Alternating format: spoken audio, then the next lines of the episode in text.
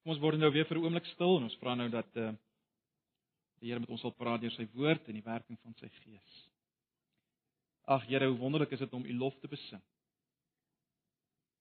As ons 'n klein klein klein gebroke ietsie beleef van wat dit is om U groot te maak saam met medegelowiges.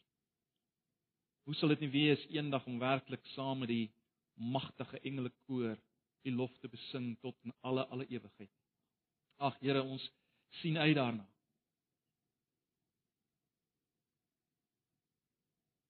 Ons kan in 'n sin nie wag nie. Nou wil ons vra, ag Here, wil U met ons praat in hierdie oggend deur die woord en deur die Gees sodat ons lewens hier en nou alreeds 'n loflied aan U sal wees. Asseblief. U ken ons. U weet hoe lyk ons in onsself. En dankie dat U ons wil gebruik in U triomf tog. Ons eer U daarvoor. Ons verwagting is van U. Amen.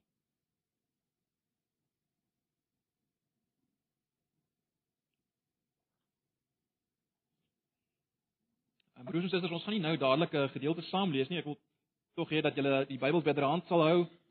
Ons gaan redelik bietjie rondblaai. Ehm um, julle kan miskien so vinger by Eksodus kry, miskien 'n vinger by Esegiel. Maar ons gaan ook nog na ander gedeeltes kyk.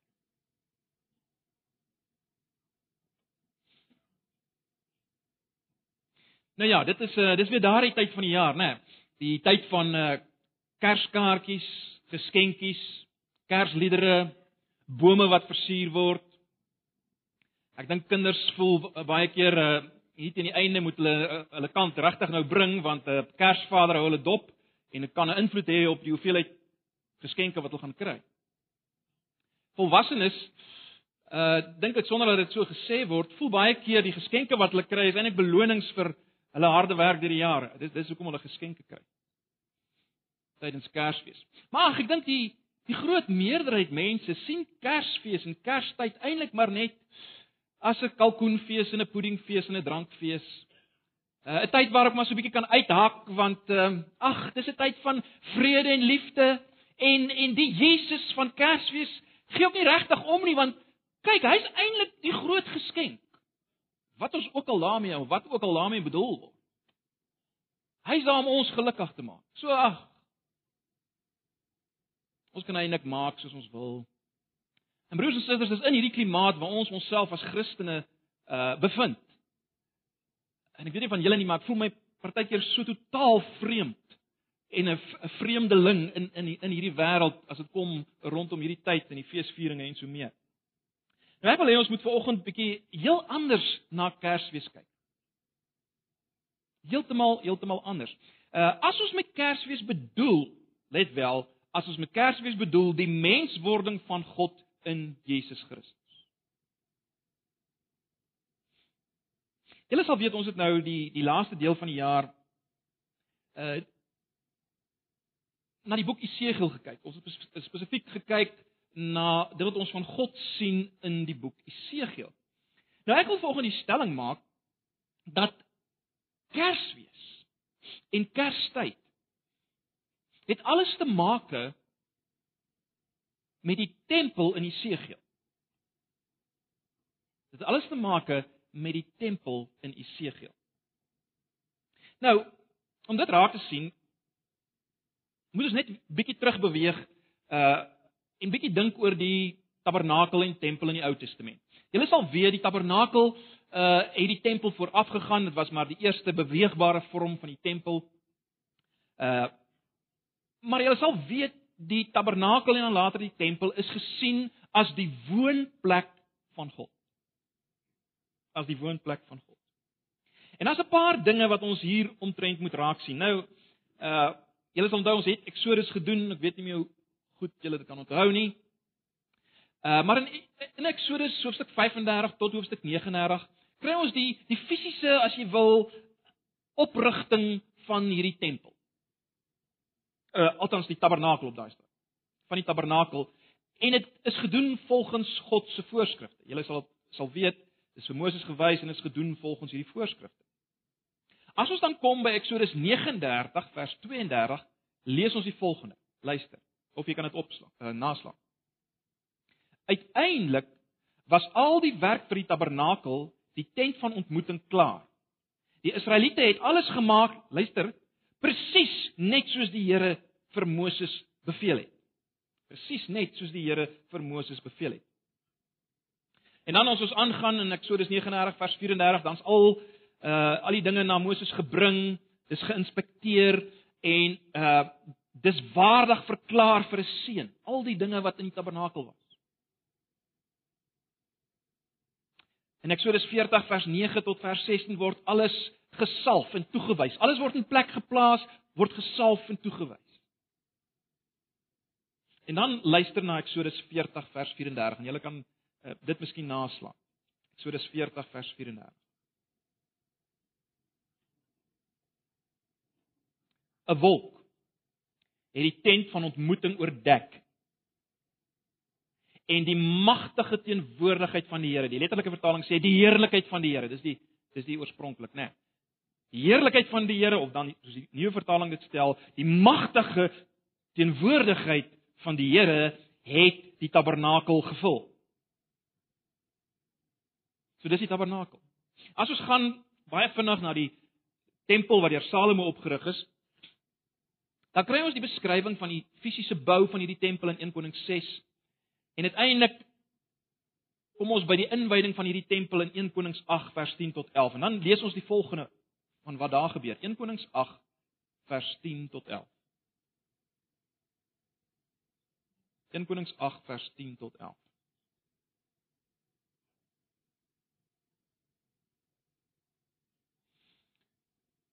Toe die priesters uit die heiligdom heiligdom kom, het 'n wolk die huis van die Here gevul. Daarom kon die priesters nie vir diens aantree nie. Dit was die magtige teenwoordigheid van die Here, of weer eens die heerlikheid van die Here wat die huis van die Here gevul het. Dit was die magtige teenwoordigheid van die Here of dan die heerlikheid van die Here wat die huis van die Here gevul het. En dan verduidelik God aan Salomo as te ware 'n bietjie later wat presies daar gebeur en en ons lees in vers 3 van 1 Konings 9 die volgende. En die Here sê vir hom: Ek het jou gebed en jou smeking gehoor wat jy voor my aangesig uitgespreek het. Ek het hierdie huis wat jy gebou het, geheilig deur my naam daar te vestig tot in ewigheid en my oë en my hart sal altyd daar wees of sal daar altyd wees. Dis die dis die 53 vertaling. Ek ek lees dit spesifiek want die die beelde is so mooi my oë en my hart sal daar altyd wees. So wat moet ons sien? Wat wil ek hê julle moet sien vanoggend? Wel dit, eh, die bou van die tabernakel en die tempel is deur die Here geïnisieer, né? Nee. Dit kom van sy kant af. Hy wou gehad het of laat ek so sê, hy het voorskrifte daarvoor gegee en hy wou gehad het dit presies so lyk. En eers toe alles presies was soos hy dit wou gehad het, het sy magtige teenwoordigheid, sy heerlikheid, die tabernakel en die tempel gevul en dit sou nou die plek wees waar sy oë is, sy hart is. Geweldig, is dit nie? So wat ons moet verstaan is dit, as jy in die Ou Testament geleef het en jy wou weet, waar's God?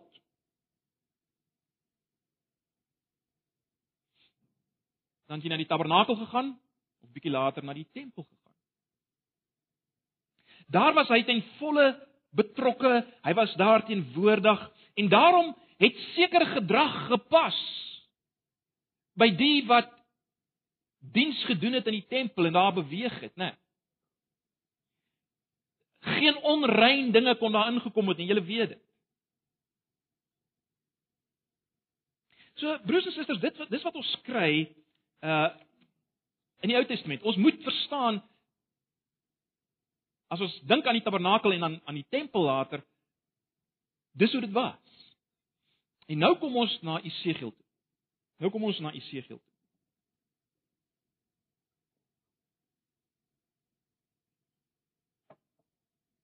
Julle sal nou nog onthou, is daarom nie so lank terug nie. Julle sal onthou Esegiel begin met 'n visioen wat Esegiel kry in hoofstuk 1 van God.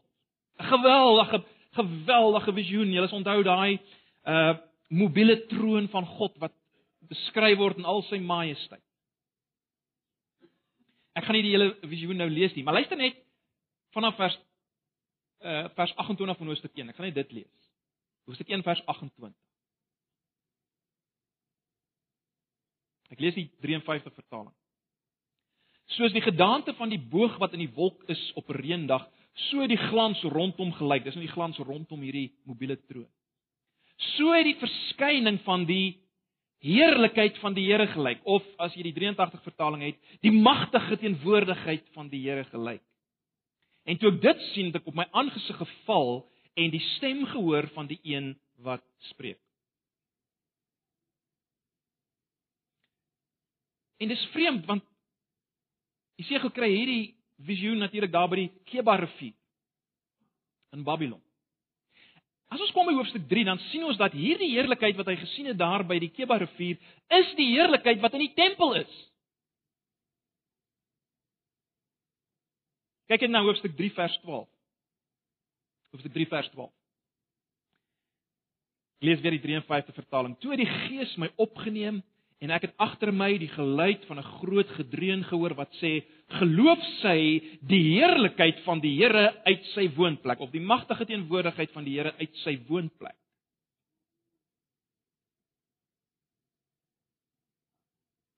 As ons dan kom by hoofstuk 8 tot hoofstuk 11 vers 25 dan sien ons die die geweldige tragiese in Esegiel sal julle onthou van hoe die die heerlikheid van die Here hierdie magtige teenwoordigheid van die Here Ons sien hoe dit sy tempel verlaat.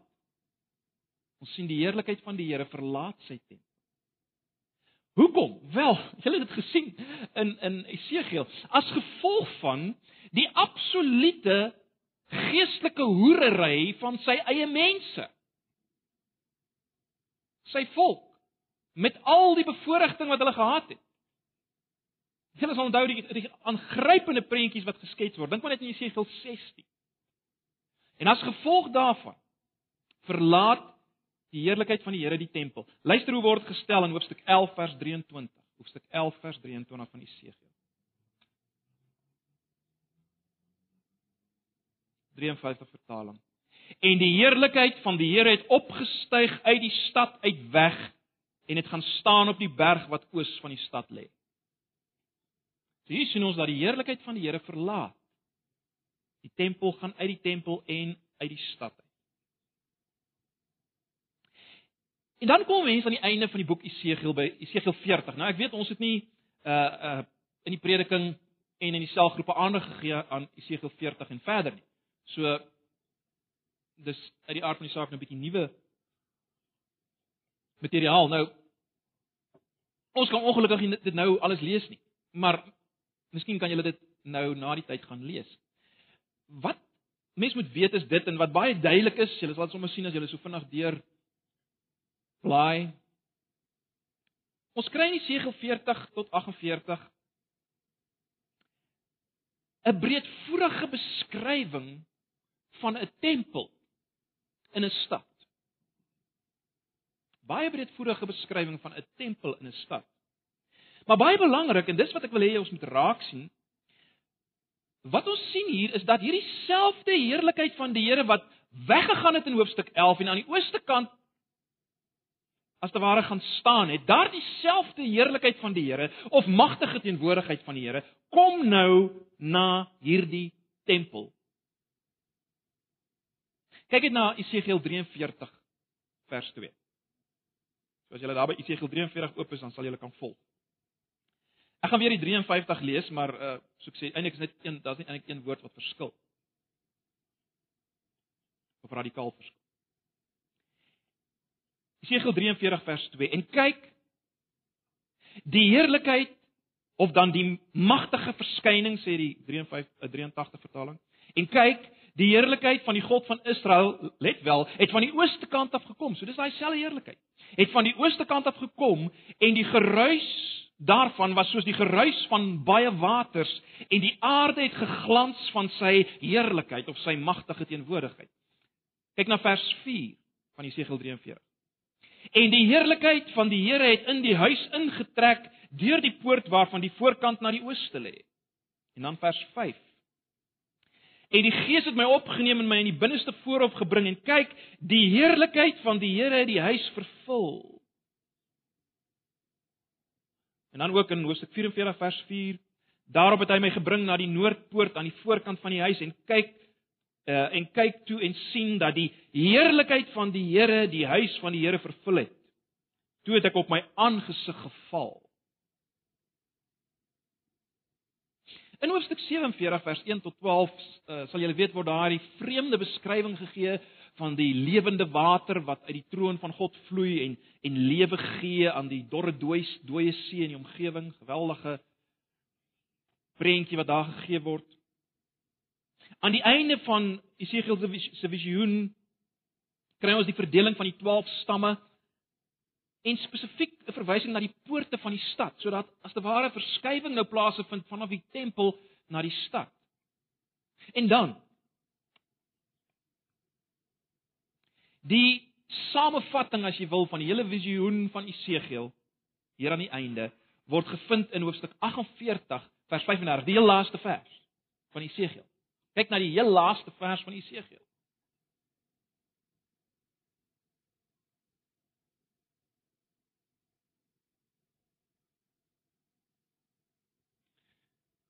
Poorte van die stad is nou beskryf en dan in vers 35 lees ons die omtrek van die stad. Dit wat dit wat Jesegiel nou gesien het in sy in sy visioen. Die omtrek van die stad moet 9 km wees en sy naam moet van vandag af wees Die Here is daar. Die Here is daar. Jahwe is daar. Nou, broers en susters, sonder om nou te ingewikkeld daaroor te raak en te lank daarop in te gaan. Daar's nie 'n manier hoe jy hierdie tempel in hierdie stad kan sien as 'n fisiese tempel of stad wat op een of ander stadium opgerig is of nog opgerig gaan word. Daar's nie 'n manier dat ek my sommer reguit sê. Ek dink Esegiel 47 uh waar daar gepraat word van hierdie water, lewende water wat uitvloei en al meer word en meer word en lewe gee aan alles wat dood is, sê al klaar vir ons hoe ons moet omgaan met hierdie tempel. Dit staan vir iets. Uh, dit is verseker nie 'n fisiese letterlike tempel nie. En en terloops ons weet dat uh toe die tempel weer herbou is in tyd van Esdra en Nehemia was dit nie volgens hierdie voorskrif. Om die waarheid te sê dit was 'n teleurstelling want die die oudstes wat nog die ou tempel geken het het gehuil. Ons weet dit. Die hele verdeling van die land soos beskryf in hoofstuk 47 en en 48 hier in Esegiel uh, is onmoontlik as jy enigstens die terrein ken. Jy kan dit nie so verdeel. Jy kan ook nie die die die die lyne van die Levitiese, die Levitiese Sadokitiese lyne weer optel soos dit daar uh uitgelig word. Ag en ons weet uit Hebreërs uit broers en susters, dan kan nie weer 'n tempel met offers wees.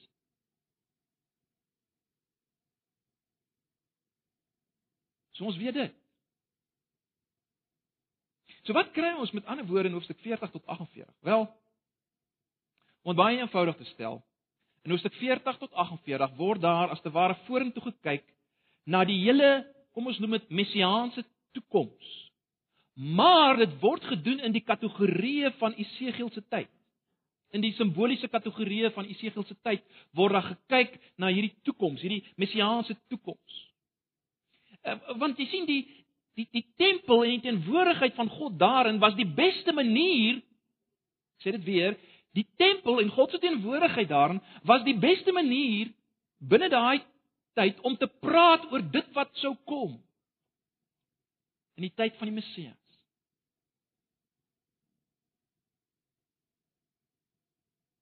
En die belangrike punt vir oggend vir ons is dit. En die geweldige ding is dit, daar word hier vooruitgekyk, profeties vooruitgekyk na 'n tyd waar dit weer sou moontlik wees vir God om in die midde van sy mense te woon. En dis geweldig, is dit nie? Want onthou nou, dit was nie moontlik vir hom om te woon onder sy eie mense nie, met al die bevoordiging wat hulle gehad het nie, die volk Israel. Hy moes wegtrek. Sy heerlikheid moes moes onttrek as gevolg van hulle leefwyse. Hulle het dit nie gemaak nie. Hy kon nie by hulle bly nie.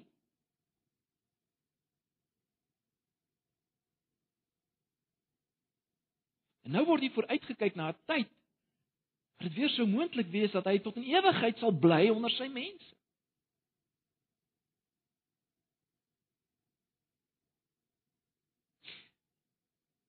En daarom voel 'n mens natuurlik aan dat dat voordat dit kon waar word wat saamgevat word in Jesegiel 48 vers 35 voordat dit kon waar word, moes iets gebeur. Iets van geweld met 'n geweldige impak, iets ontsaglik moes gebeur. En broers en susters, die eenvoudige antwoord is dit. Kersfees moes gebeur. Kersfees moes gebeur vir dit om te kon waar word. Kom ons dink vir 'n oomblik oor Kersfees, baie kortliks. Onthou julle Matteus 1 vers 23? Wat sê die engel Matteus 1 vers 23? Kyk, die maagd sal swanger word en 'n seun baar en hulle sal hom Immanuel noem.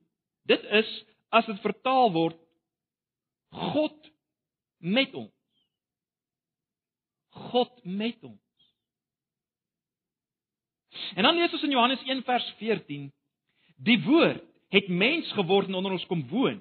Die letterlike woord weet julle nou al is tabernakel. Hy het onder ons kom tabernakel. Ons het sy heerlikheid gesien. Die heerlikheid wat hy is die enigste seun van die Vader het. Vol genade en waarheid. Waar was God se woonplek in die Nuwe Testamentiese tyd? As jy verseker God wou vind, waarna toe het jy gegaan? Na Jesus. Na Jesus. Ons sien dit baie duidelik in Johannes 2, is dit nie? In Johannes 2 vers 19 tot 21. Waar Jesus sê: "Breek hierdie tempel af en in 3 dae sal ek dit oprig." En die Jode sê: "46 jaar lank is aan hierdie tempel gebou en u sal dit in 3 dae oprig?" En dan antwoord Johannes die skrywer en hy sê vir ons: "Maar hy het oor die tempel van sy liggaam gespreek."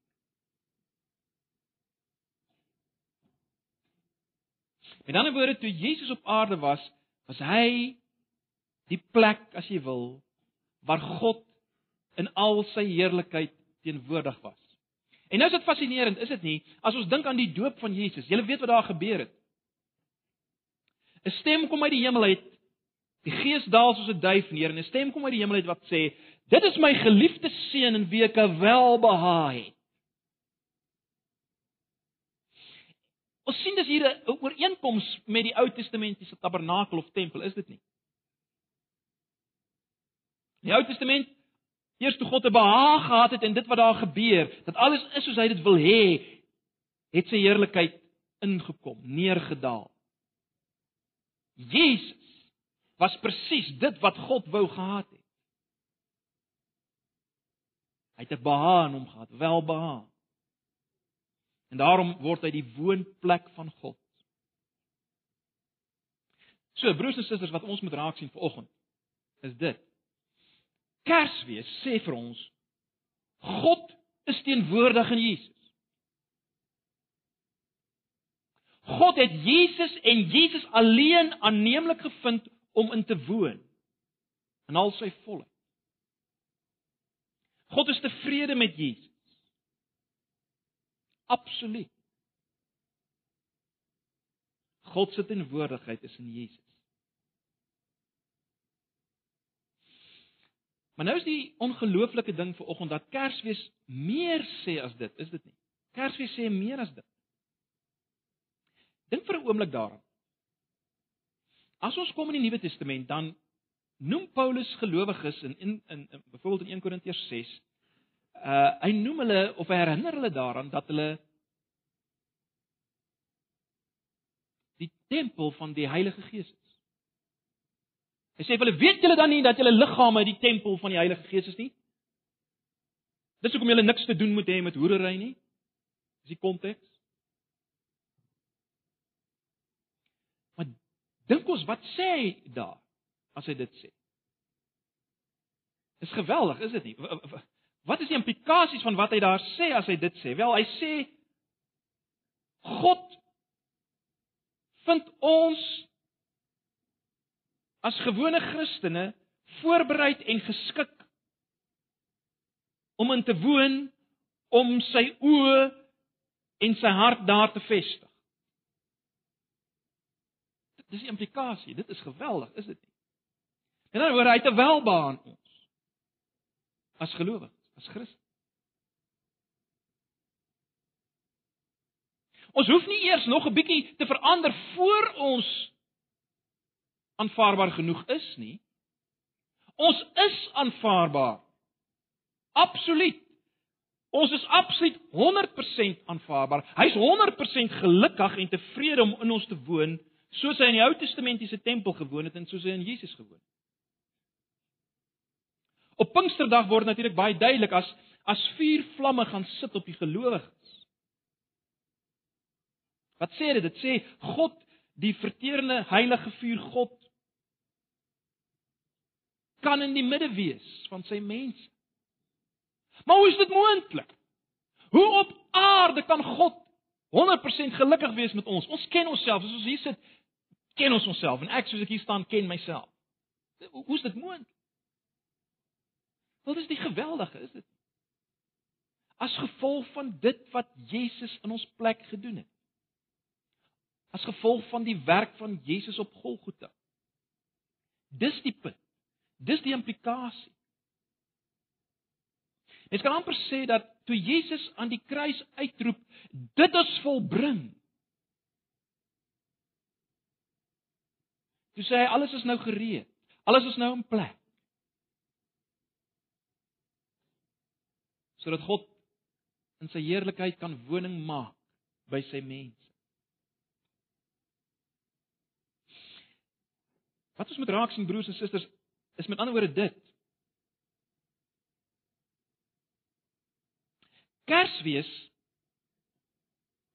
baie belangrik. Kersfees sê nie net dat God teenwoordig is in Jesus. Kersfees sê ook dat God nou weer by sy mense kan woon as gevolg van wat Jesus in hulle plek gedoen het op Golgotha. Dis wat Kersfees is. En daarom sien julle onmiddellik dat uh krib en kruis gaan altyd hand aan hand. Jy kan nie oor die krib dink sonder die kruis nie. Maar dis die geweldige ding wat Kersfees sê.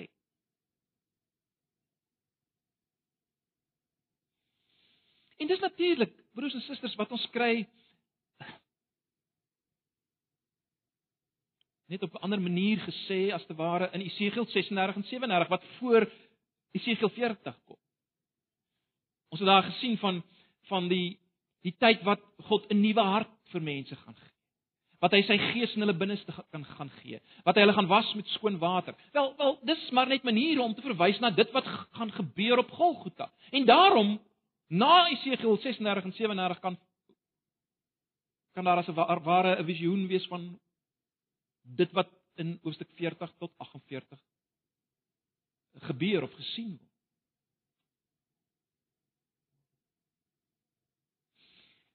Broers en susters, wat ek wil hê ons moet vanoggend verstaan is dat dit het geweldige implikasies, het dit nie.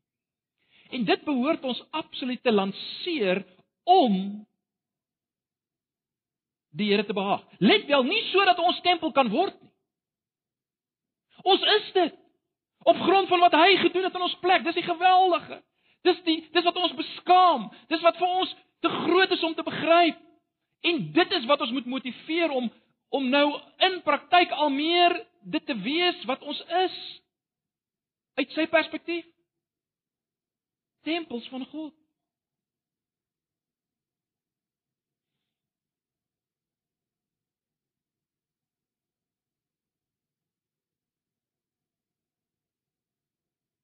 Dink jy daaraan?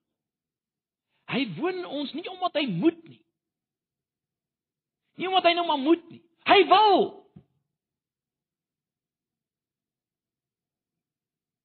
Want ons is volkome in plek as gevolg van die werk van Jesus. En ons moet dit verstaan. Maar daar's iets meer wat ek wil hê ons moet vanoggend net oordink en dit is die feit dat as die Nuwe Testament oor ons praat dan word ons nie so seer tempels van God en tempels van Jesus genoem nie, maar tempels van die Heilige Gees en dis betekenisvol. Tempels van God die Heilige Gees. Nou ons weet, eh, Jesus praat in Johannes Evangelie en hy sê 'n ander een net soos hy sal kom. In 'n sin is is die is die Heilige Gees niks anders as as Jesus in ons midde nie. Maar dit is belangrik. Dit is belangrik. Hoekom is dit belangrik? Want sien as ons vanoggend net hoor dat ons 'n tempel van God is of het, of 'n tempel van Jesus, dan is dit baie maklik om onbewustelik te dink, wel ja, maar hy's daar 'n bietjie ver. Dis nou 'n bietjie onrealisties. Dis 'n bietjie vreemd. Hoe kan hy werklik weet wat in ons aangaan?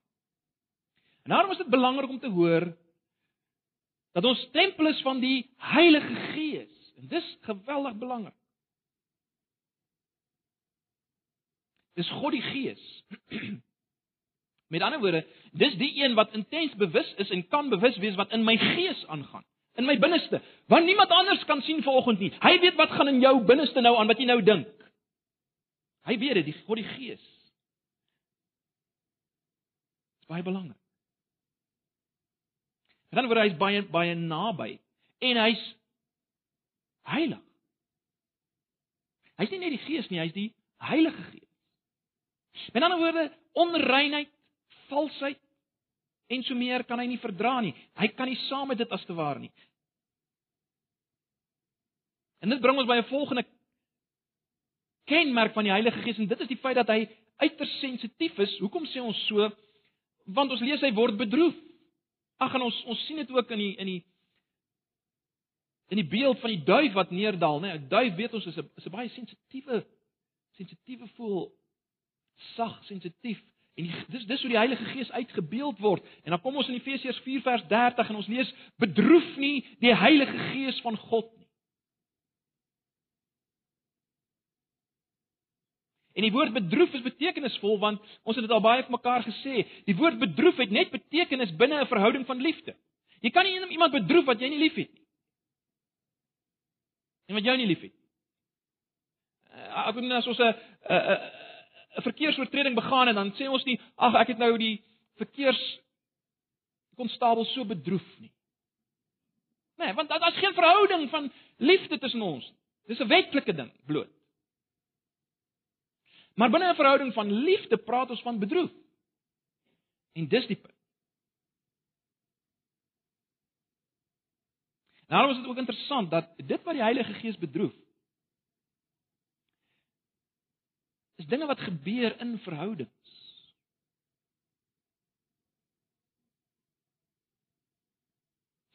Maar broers en susters, baie baie belangrik. En dit moet ons vat, is die feit dat ek as 'n Christen behoort nie meer aan myself nie.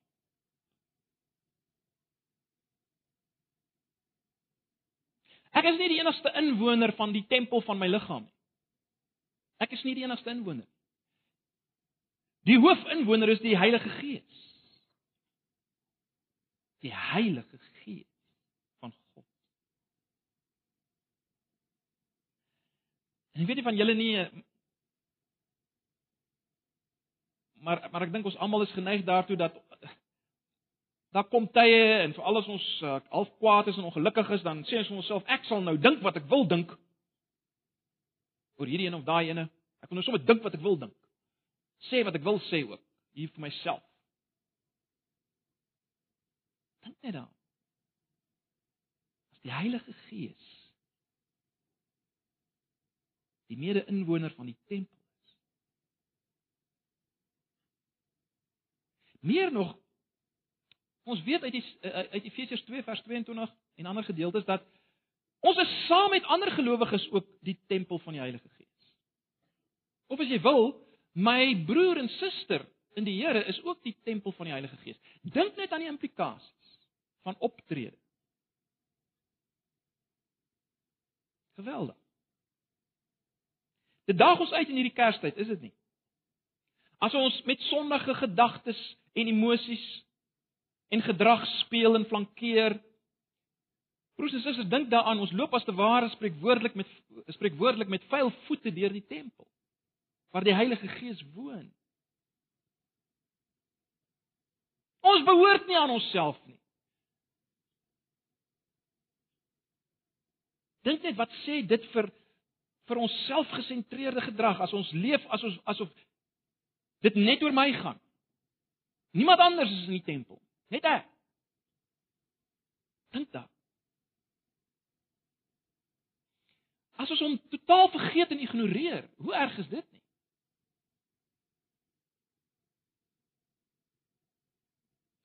As ons sy woord afskeep, ons weet die woord is ingegee deur die Heilige Gees. As ons die woord afskeep, nie 'n saak het met die woord nie. Wat doen ons? Dink, dink, dink daaraan. As ons nie onder sy invloed en sy beheer lewe nie, as ons hom nie vertrou nie, ag en en en gaan gaan deur dink dit maar vir julleself elkeen. Broers en susters, dit daag ons uit om in hierdie Kerstyd totaal en al totaal en al anders te dink as die mense rondom ons en natuurlik te leef as die mense rondom ons, is dit nie? Totaal en al anders. Kersfees sê die God van Jesegiel is weer in al sy heerlikheid by ons, in ons. En hoe moet ons lewenstyl nie lyk nie? Ons manier van dink en praat.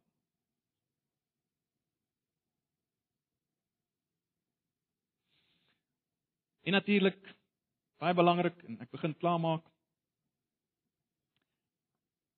Jesus se kom na die aarde was as te ware net die begin van die tyd wat gevisualiseer is in Jesegiel 40 tot 48.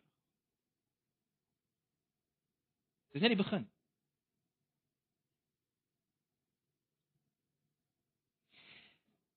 Dit gaan oorgaan tot iets wat tot in ewigheid gaan wees. Dit gaan oorgaan in iets wat vir altyd en altyd en altyd gaan wees. En ek lees vir julle Openbaring 21 vanaf vers 9 af. Openbaring 21 vanaf vers 9.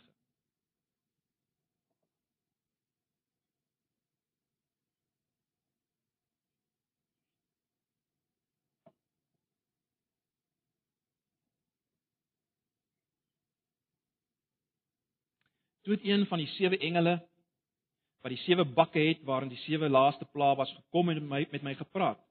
Kom het hy gesê. Ek sal jou die bruid wys, die vrou van die lam. Nou dis interessant, is dit nie? Uh die engel sê vir Johannes, ek gaan nou vir jou die bruid wys, die vrou van die lam. Nou ons weet wie's die bruid, die vrou van die lam, dis die kerk van Jesus, dis ons. Dis vers 9. So nou nou vat Johannes om vir hom die bruid, die vrou van die lam te wys en kyk wat sê vers 10. Ek is toe deur die Gees meegevoer en die engel het my na 'n groot hoë berg toe geneem en die heilige stad Jerusalem vir my gewys wat van God af uit die hemel uitkom. Jy sien broers en susters, is baie duidelik dat hierdie stad wat uitgebeeld word in Openbaring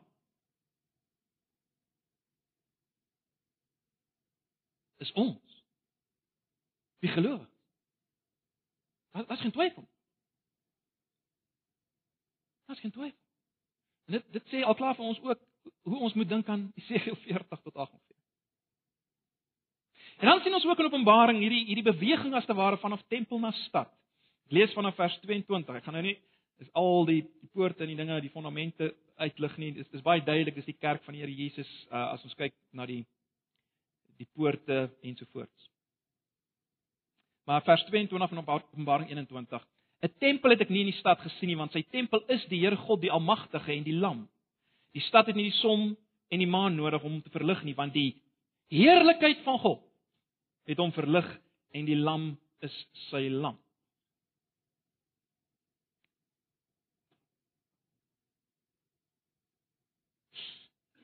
Wat sien ons broers en susters om dit baie eenvoudig te stel? Ons as die kerk van die Here Jesus as die bruid van die lam gaan tot in alle ewigheid die plek wees waar God in sy heerlikheid woon.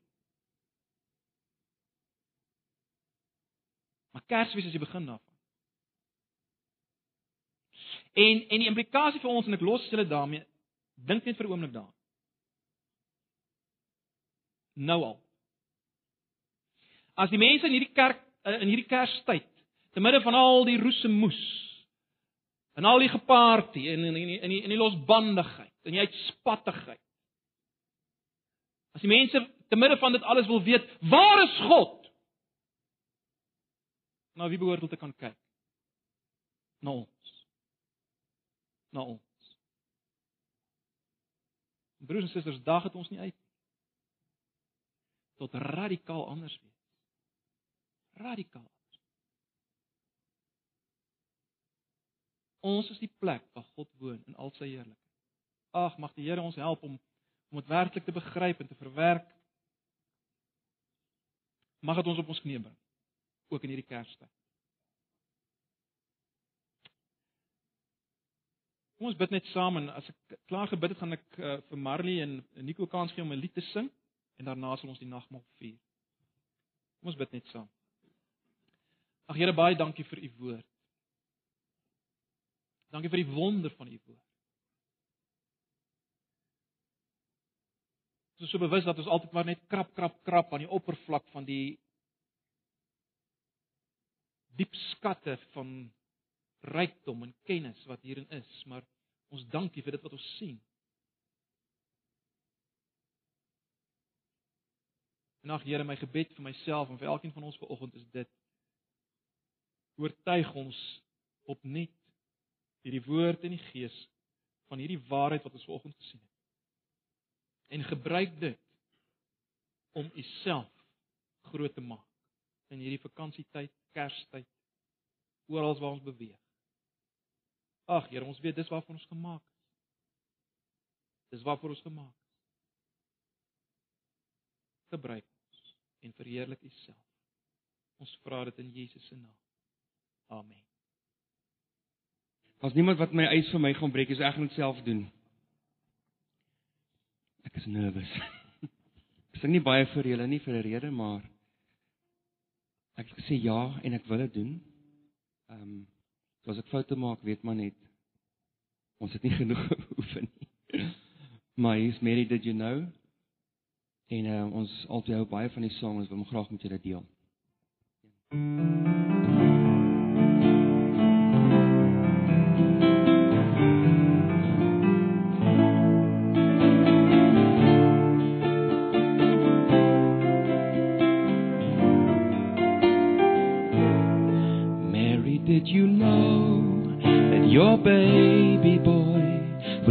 Someday walk on water? Mary, did you know that your baby boy would save our sons and daughters? Did you know that your baby boy has come to make you new?